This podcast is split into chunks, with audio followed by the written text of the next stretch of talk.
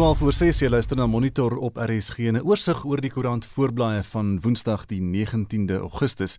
Die burger volgens die sneeu lê dik daar op die berge en 'n mooi foto van die Matroosberg en nog 'n pa sterf na brandtragedie net ma en baba oorleef. Ander twee kinders ook dood.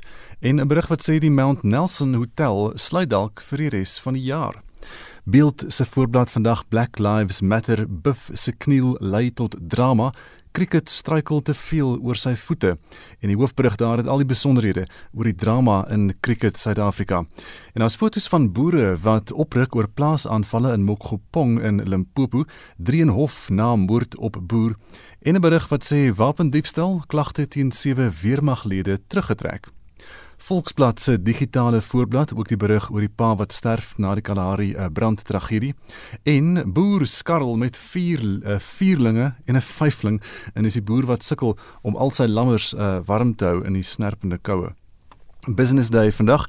Shake up at Eskom as power cuts resume en daar is 'n groot rondskuif aan die gang uh, van 12 senior bestuurders in die kragopwekkingseenheid van Eskom. Internasionaal op bbc.com Mali se president bedank en ontbind die parlement en Joe Biden amptelik benoem as die demokratiese kandidaat teen Donald Trump, selfs 'n voormalige republikeinse minister van buitelandse sake, Colin Powell, het Biden op die virtuele konvensie ondersteun. En is vinnige oorsig oor vanoggend se nuus.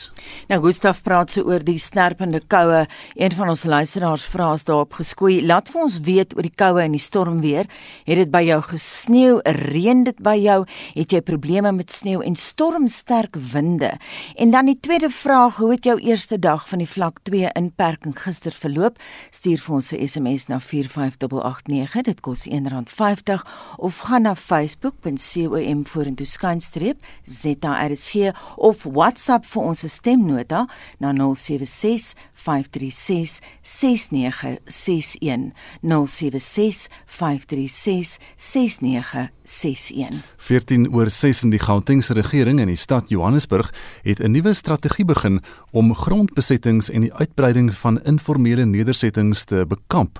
Hulle ontplooi 1500 gemeenskapspatrolleerders oor die provinsie heen om onwettige nedersettings te identifiseer. Die LER vir menslike nedersettings in Gauteng, Lebogang Maile, het die nuwe veldtog in Lenasia, suid van Johannesburg, bekend gestel. Onwettige grondbesettings vind veral suid van Johannesburg en Gauteng plaas.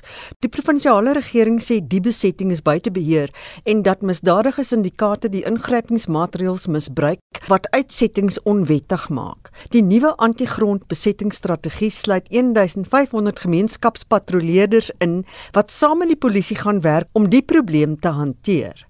Verduidelik die ALR van gemeenskapsveiligheid Faith Masibuku. and we wish to send a strong message to all the syndicates. Your days are numbered. We know you by name now. So be careful. Nandokunisa nizofuna utshontsha land yethu. Wait for processes.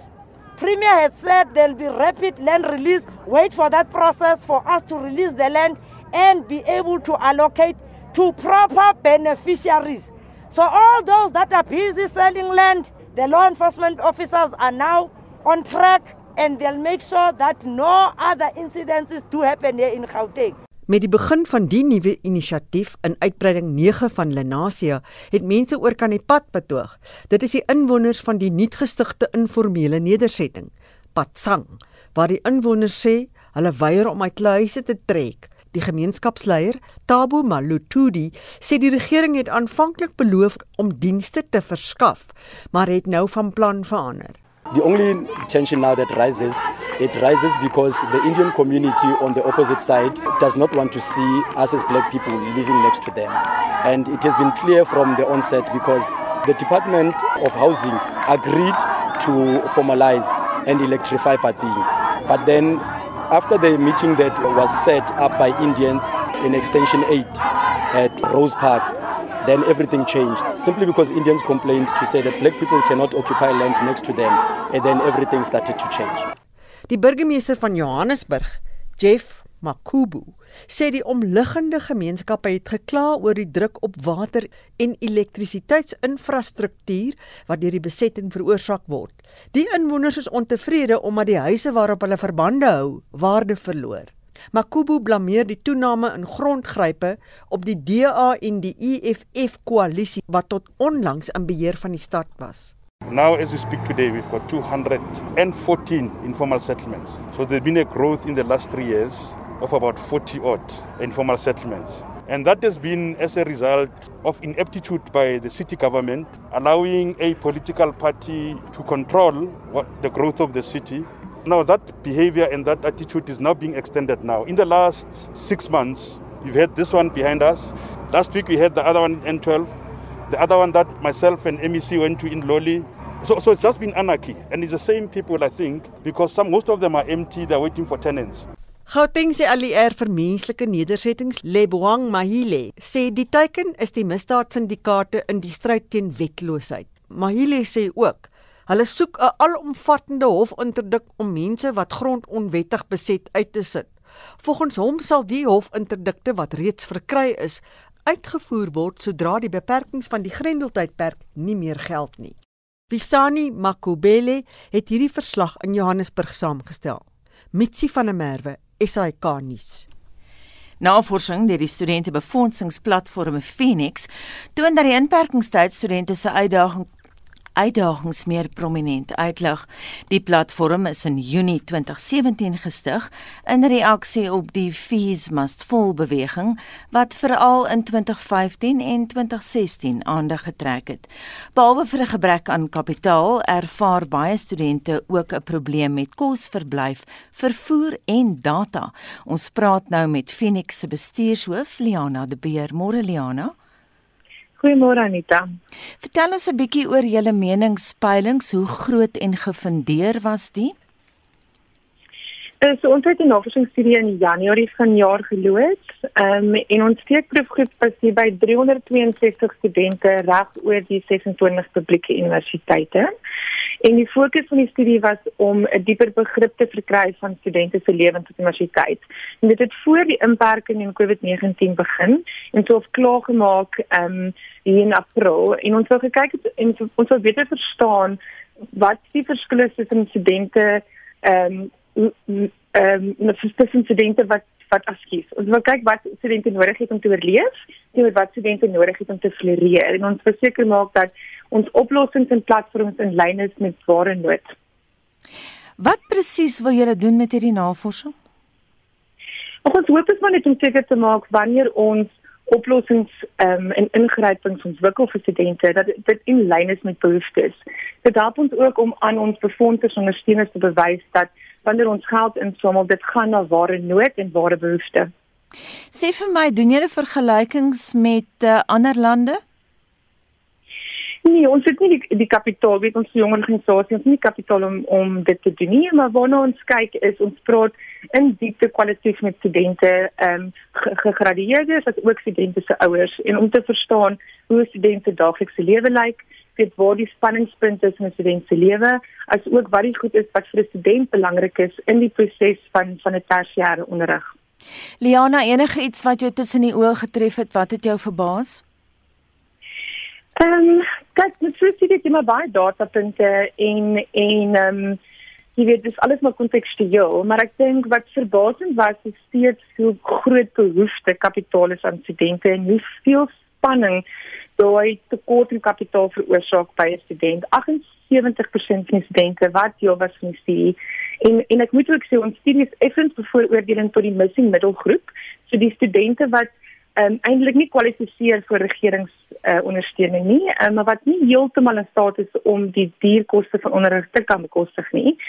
En 28% van studente is steeds gespanne op 'n daaglikse basis om om goed soos kos, akkommodasie, vervoer en data te kan bekostig. En daar's 'n direkte korrelasie tussen daai spanning en 'n student se vermoë om akademies te te presteer. Ehm um, ons het ook gesien dat 64% van studente woon in koshuise studente verblyf en maak staat op universiteitshulpbronne. En natuurlik toe COVID-19 in die inperking begin het, is al die studente huis toe gestuur, die kampusse toegemaak. Mm. So daai nommer het opgeskiet. Maar ek dink 'n tipe van 'n silwer randjie gedurende COVID-19 is universiteite was iewers skielik gedwing om baie vinnig studente in staat te stel om aanlyn onderrig om weet, eh, om aanlyn onderrig aan te kan pak. So baie van die groter meer welaf universiteite um, met bietjie meer finansiële hulpbronne kon hulle studente inrig, maar waar ons gesien het die kleiner meer plaaslike universiteite het baie gesukkel om die studentepopulasie na die aanlyn wêreld te vat. Um, en ons as Phoenix het baie vinnig 'n veld toe gesig om geld te beweer insamel om daai studente spesifiek nagraads en en finale jaar studente te help met toestelle en data. Ons het ook gesien dat studente maak gebruik van mekaar se toestelle en data en hulpbronne. So die oomblik studente terug is na hulle huise toe, te verloor hulle effens daai ehm um, daai soof ehm um, uh, manier om na mekaar te kan kyk um, emosioneel as ook um, mekaar te kan motiveer in die proses van studies. So dis net van die tipe ehm um, analise wat ons teruggekry het van die studie. Baie dankie aan Ceciliana de Beer, sy is bestuurshoof van die aanlyn befondsingsplatform Phoenix wat hom op behoeftige studente toespits. Vir die wat wonder wat gebeur op die sportveld, hier is Shaun Jooste. Ons begin met gisteraand se sokkeruitslae. Paris Saint-Germain het hulle plek in die Kampioenligga eindstryd geboek toe hulle RB Leipzig met 3-0 geklop het. Bayern München en Lyon takel mekaar vanaand 9 uur ook vir 'n plek in die eindstryd. In die PSL wedstryde het Wits en Golden Arrows en Chippa United en Highlands Park 0 elk en Orlando Pirates en Baroka FC 1 elk gelyk op gespeel. SuperSport United kom vanmiddag al 4 teen Polokwane City en Bloemfontein Celtic vanaand 6 uur teen Kaizer Chiefs te staan. Fietsry. Sam Bennett van Ierland het gister sy derde skof van die toer van Wallonië in België gewen, terwyl die Fransman Arnaud Demar nou die algehele voorloper is. Die plaaslike Amaury Capiota is tweede, met die Nieu-Seelander James Fouché derde. Suid-Afrika se Reinhard Janse van Rensburg is 55ste. Titus Alexander Vlasov het net so onder die 5 ure met die louere in gister se Giro dell'Emilia eendag padrasies in Italië weggestap. Joao Almeida van Portugal was tweede en die plaaslike Diego Ulissi derde. Suid-Afrikaanse Stefan de Bot het 51ste geëindig. Die Suid-Afrikaner Ryan Gibbons sal sy tweede Frans debuut later die maand maak nadat hy by die NTT Pro Cycling Team se 8-man groep ingesluit is. Die toer vind tussen 29 Augustus en 20 September plaas. Die 26-jarige Gibbons het ook die Suid-Afrikaanse nasionale kampioenskappe vroeër die jaar gewen. Op die golfbaan slaan die Sonskyn Reeks se 2020-21 seisoen binnekort met die Betway Kampioenskappe by die Killarney Buiteklub in Houghton af. Die eerste toernooi van die seisoen bestaan uit 107 spelers, word oor 3 rondes gespeel en die totale prysgeld is 600 000 rand. Die plaaslike George Coetzee is die verdedigende kampioen. Rugby Die Sharks het nog 'n kontrakverlenging aangekondig. Die Springbok-vleuel Makazole Mapimpi sal ook nou tot 2023 in Durban aanbly. Mapimpi het reeds in 14 toetse vir die Bokke op die veld uitgedraf. En laastens in tennisnuus. Die wêreldnommer 2 vroue speler Simona Halep van Roemenië het ook bevestig dat sy die 2020 Amerikaanse Ope gaan uitsit. Die besluit maak die Tsjech en wêreldnommer 3 Karolina Pliskova nou die topgekeerde speler vir die toernooi. Die major slaan op 31 Augustus in New York af. Shaun Schuster, SAK Sport. Dis 22 minute voor 7 in die menseregte organisasie Human Rights Watch het pas 'n verdoemende verslag gepubliseer oor die Houthi-rebelle in Jemen se hantering van vlugtelinge vanuit Ethiopië wat in sommige gevalle selfs doodgemaak word. Die vraag is egter hoekom sou Ethiopiërs in die eerste plek wou vlug uit 'n land waarvan die premier Abiy Ahmed Ali verlede jaar met die Nobelprys vir vrede vereer is. Monitor het die vraag aan die Afrika spesialis professor Willie Breitenberg van die Universiteit Stellenbosch gestel. Dit bly 'n raaisel want hulle het 'n nuwe leier naamlik Abiy Ahmed wat nog 2 jaar gelede die Nobelprys vir vrede gewen het as gevolg van die feit dat hy orde en stabiliteit na Ethiopië gebring het wat vir baie dekades onder geweldige geweld deurgeloop het. So dit is ironies dat vlugtelinge nou kom van die land waar die Nobelvredesprys geld en dan die absurde ding is dat die naaste plek waar hierdie immigrante kan uitkom is dan Noord-Jemen. En Jemen het self sy groot probleme. Die deurmekaar daar is daar is die VN erkende regering as gevolg van die Stockholm Vredesberaad, dan is daar die Houthi rebelle wat deur Iran ondersteun word en dan is daar die ander mense in hierdie gebied wat weer Sunnis is en die Sunnis word byvoorbeeld deur Saudi-Arabië gesteun en Saudi-Arabië het weer heel wat steun van Denel. So Jemen is nie die einddestinasie nie. Van daar af trek hulle dan verder in die rigting van Turkye en dan probeer hulle in Europa aankom. Willie, hoekom is die Houthis so gekant teen hierdie Ethiopiërs? Hoekom hou hulle so groot bedreiging in? Daar mag godsdienstoorwegings wees, naamlik dat die Houthis is Shiite teenoor die meerderheid Sunnis. Maar die Ethiopiërs is waarskynlik koptiese Christene. Hulle is die mense wat glo dat hulle afstammelinge is van koning Salomo en die koningin van Skeba. Trouwens, as Skeba vir die Bybelse tyd nou nog bestaan het, sou dit Jemen gewees het. Daar is interessante faktore die VN probeer ingryp by wyse van die VN Hoogkommissariaat vir Vlugtelinge en 'n natuurlik Human Rights Watch, maar uh, dit kan nie die probleem oplos nie. En presies hoeveel mense in daardie deurgangskampe, noem dit wat jy wil, deurgangskampe, konsentrasiekampe of dood met kampe vir veiligheid, presies hoeveel daar is, weet ons nie. Wat ook interessant is, is dat volgens 'n studie wat verlede jaar gepubliseer is, is 90% van alle migrante wat deur Jemen beweeg kom van Ethiopië. Hulle kom nie van elders nie. Ja, ek sou nie dink almal wat van daardie geweste afkom kom van Ethiopië af nie onstabiele lande in daardie streek sluit ook byvoorbeeld Somalië in met sy Al-Shabaab. En dit is ook 'n onstabiele streek. En dan die ander twee aangrensende lande dis in 'n minder mate Suid-Sudan maar ook Sudan self wees en dinge daar is ook nog nie heeltemal afgekoel nie want 'n mens hoor feitelik daagliks dat daar nuus gebeure is wat kom uit een van die twee Sudans uit. En vir hulle mag dit dus dan ook 'n gerieflike opsie wees om nie te ver van hulle af nie is die Rooi See. En die Rooi See is bitter naby aan Jemen en dit is waar hulle dan voet aan wal sit en dan trek hulle verder. Dan beland hulle naderhand in Turkye en van Turkye af is dit hulle hoop om in Frankryk of enige skandinawiese land of spesifiek Brittanje alhoewel Brittanje het baie streng anti-immigrasie reëls en so ook met die geval van Griekeland. So dit is 'n groot probleem en dan weet ons hierdie probleem hardloop parallel met die ander strengvlugtelinge uit Afrika uit wat uit Noord-Afrika gaan op uh, hierdie bote wat skaars seewaardig is, weekliks verdrink daar mense.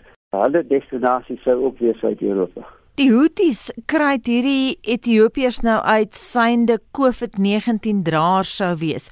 Hoe dikwels in Afrika word die pandemie misbruik vir mense se eie politieke agendas? Dit is 'n baie handige, baie nuttige skuiwergat of rookskerm om agter te skuif. Die reëls van inperking is byvoorbeeld daar's 'n verbod op proteste, daar's 'n verbod op vergaderings van enige soort jy moet 2.5 meter uitmekaar uit wees en dis meer maar as toe iets gebeur in die land van waar autokratiese leiers aan bewind is Zimbabwe is 'n ander baie goeie voorbeeld waar Mnangagwa byvoorbeeld ook die COVID krisis misbruik om menseregte te onderdruk in die strate van Harare en dit is waarskynlik dieselfde in Ethiopië. En dit dan professor Willie Breitenberg van die Universiteit Stellenbosch en Anita het daardie onderhoud met hom gevoer. Nou die Italiaanse regering het beloof om 9 miljoen euro aan Tunesië te skenk om die Afrika land te help om die derduisende migrante wat die Middellandse See oorsteek na Europa toe te keer. Die Italiaanse minister van buitelandse sake Luigi Di Maio het tydens 'n amptelike besoek aan Tunis gesê Italië kan nie meer die stroom van migrante wat groener weivelde in Europa soek herberg nie. Boonop het die Italianers hulle self daartoe verbind om die Tunisiese maritieme magte op te lei om meer doeltreffend te wees om die migrante te keer. Die vraag is, kan hulle dit doen? Ons praat ver oggend met professor François Vrey van die Universiteit Stellenbosch se Veiligheidsinstituut vir Regeringskunde en Leierskap in Afrika. Môre François. Môre Anita en ook aan die luisteraars. Sê vir my jou eerste reaksie op hierdie Italiaanse aanbod deur Luigi Di Maio. Anita, kyk dit vorm maar deel van breër ooreenkomste wat hulle reeds het onder andere met uh, Tunesië.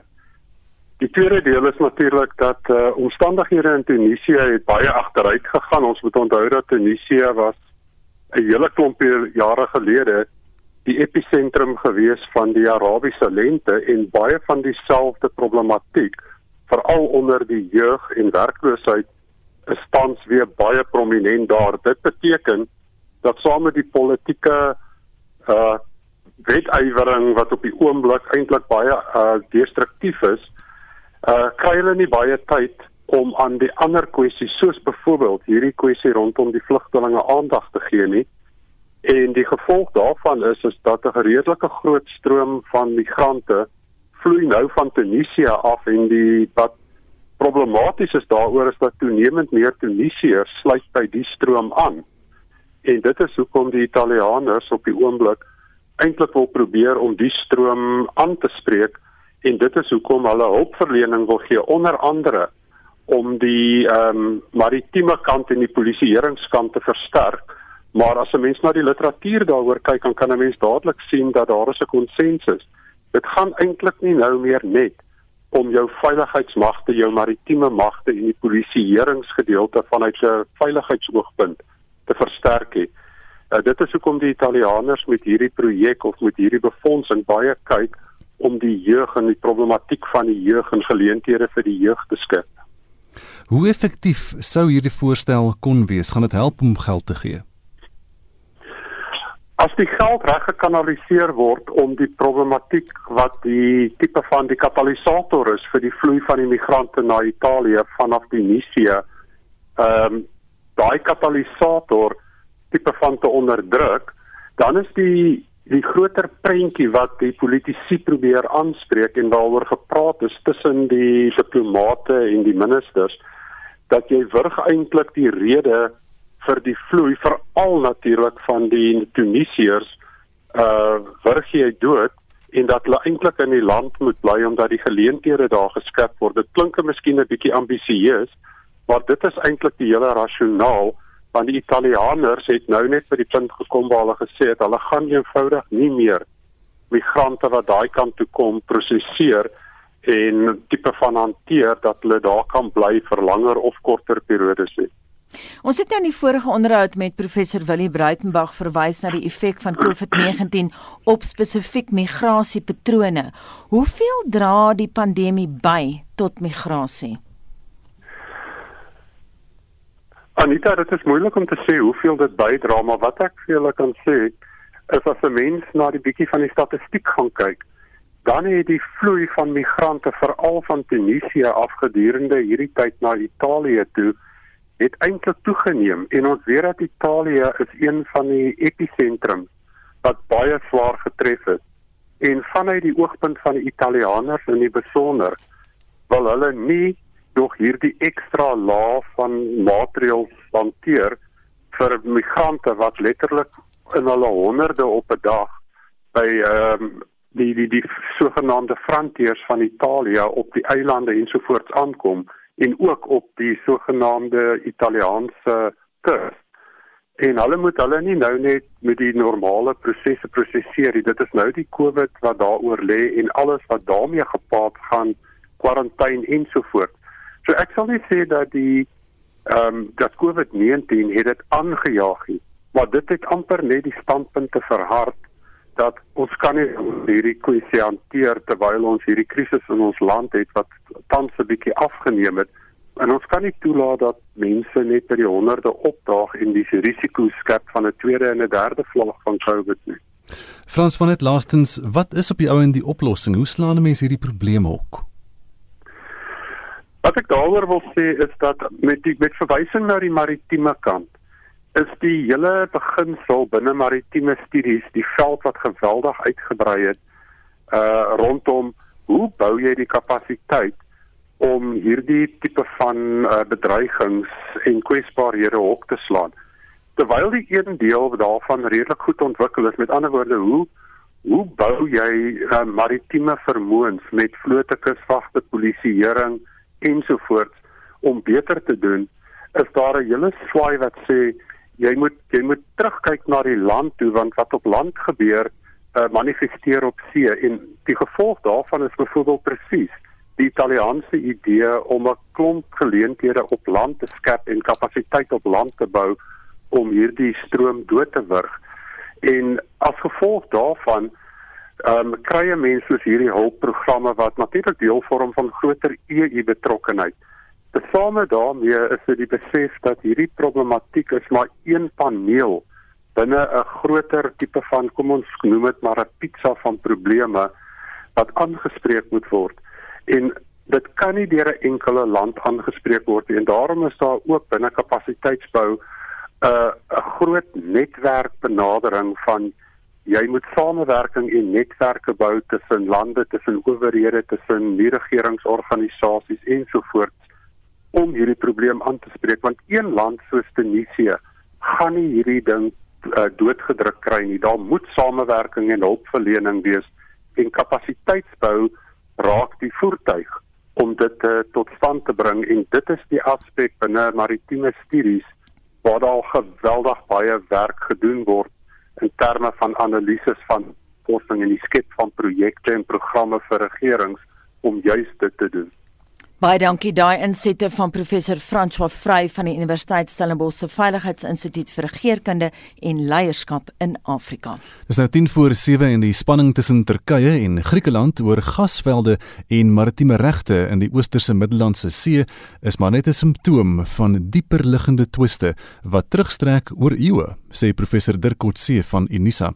Hy het gister sy teorie met Anita gedeel dis die simptoom, maar daar's ten minste twee dieperliggende faktore wat gespreek is. Die eerste een gaan oor die afpaking van die eksklusiewe ekonomiese sone. Dis die beginpunt daarvan, maar dit gaan terug na die baie ou territoriale eise wat deur Griekeland teen Turkye ingebring word. Die feit dat hulle wil eilande hê wat omtrent op die kus van Turkye is en dan saam daarmee gaan dit oor Cyprus en die feit dat die Europese Unie het nog die hele die standpunt gehad dat uh, Griekeland en Turkye moet tot 'n ooreenkoms kom voordat Turkye uiteindelik moontlik 'n lid van die Europese Unie kan word en dit het die laaste tyd nou weer begin te sprake kom. Die tweede aspek gaan oor die konflik in Libië. En die verdelingslyne wat nou besig is om te ontwikkel is identies met die verdelingslyne in Libië want uh, Griekeland het 'n uh, ooreenkoms nou met Egipte aangegaan oor die verdeling van die oostelike gedeelte van die Mediterrane gebied in ekonomiese sones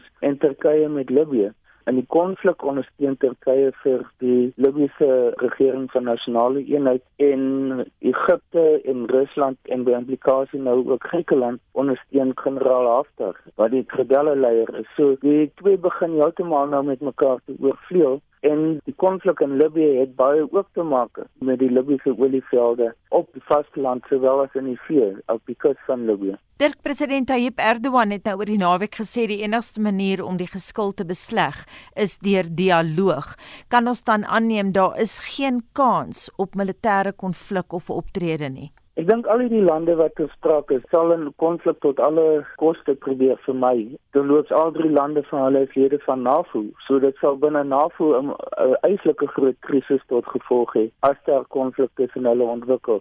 Dit is gewoonlik 'n manier om uiteindelik die verskillende deelnemers aan so 'n situasie te probeer forceer om 'n onderhandelingsproses in te gaan. So dit volg die duidelik die die gewone dinamika van 'n krisis wat dan uiteindelik opgelos word deur dialoog of deur onderhandelinge. So dit lyk my dit gaan weer in dieselfde rigting beweeg. Dit lyk ook asof die Duitsers 'n rol wil speel om die krisis te probeer besleg. Ja, Angela Merkel het vroeër reeds 'n ooreenkoms tussen um, Griekeland en Turkye onderhandel vroeër in die jaar. En nou is hy weer besig. Sy is natuurlik 'n leidende figuur in die Europese Unie, maar meer nog is Duitsland waarskynlik die sterkste bondgenoot en ou historiese bondgenoot van Turkye in die Europese konteks. So sê hy die meeste bedingings mag in verhouding met Turkye van enige Europese land. Wat is die Franse se posisie? Frankryk het nou saam met uh, Griekeland 'n vlootoefening in die gebied geloods. Hoekom sou Macron so iets doen? Hulle is reeds direk betrokke in die Libiese konflik en so na my mening aan die verkeerde kant.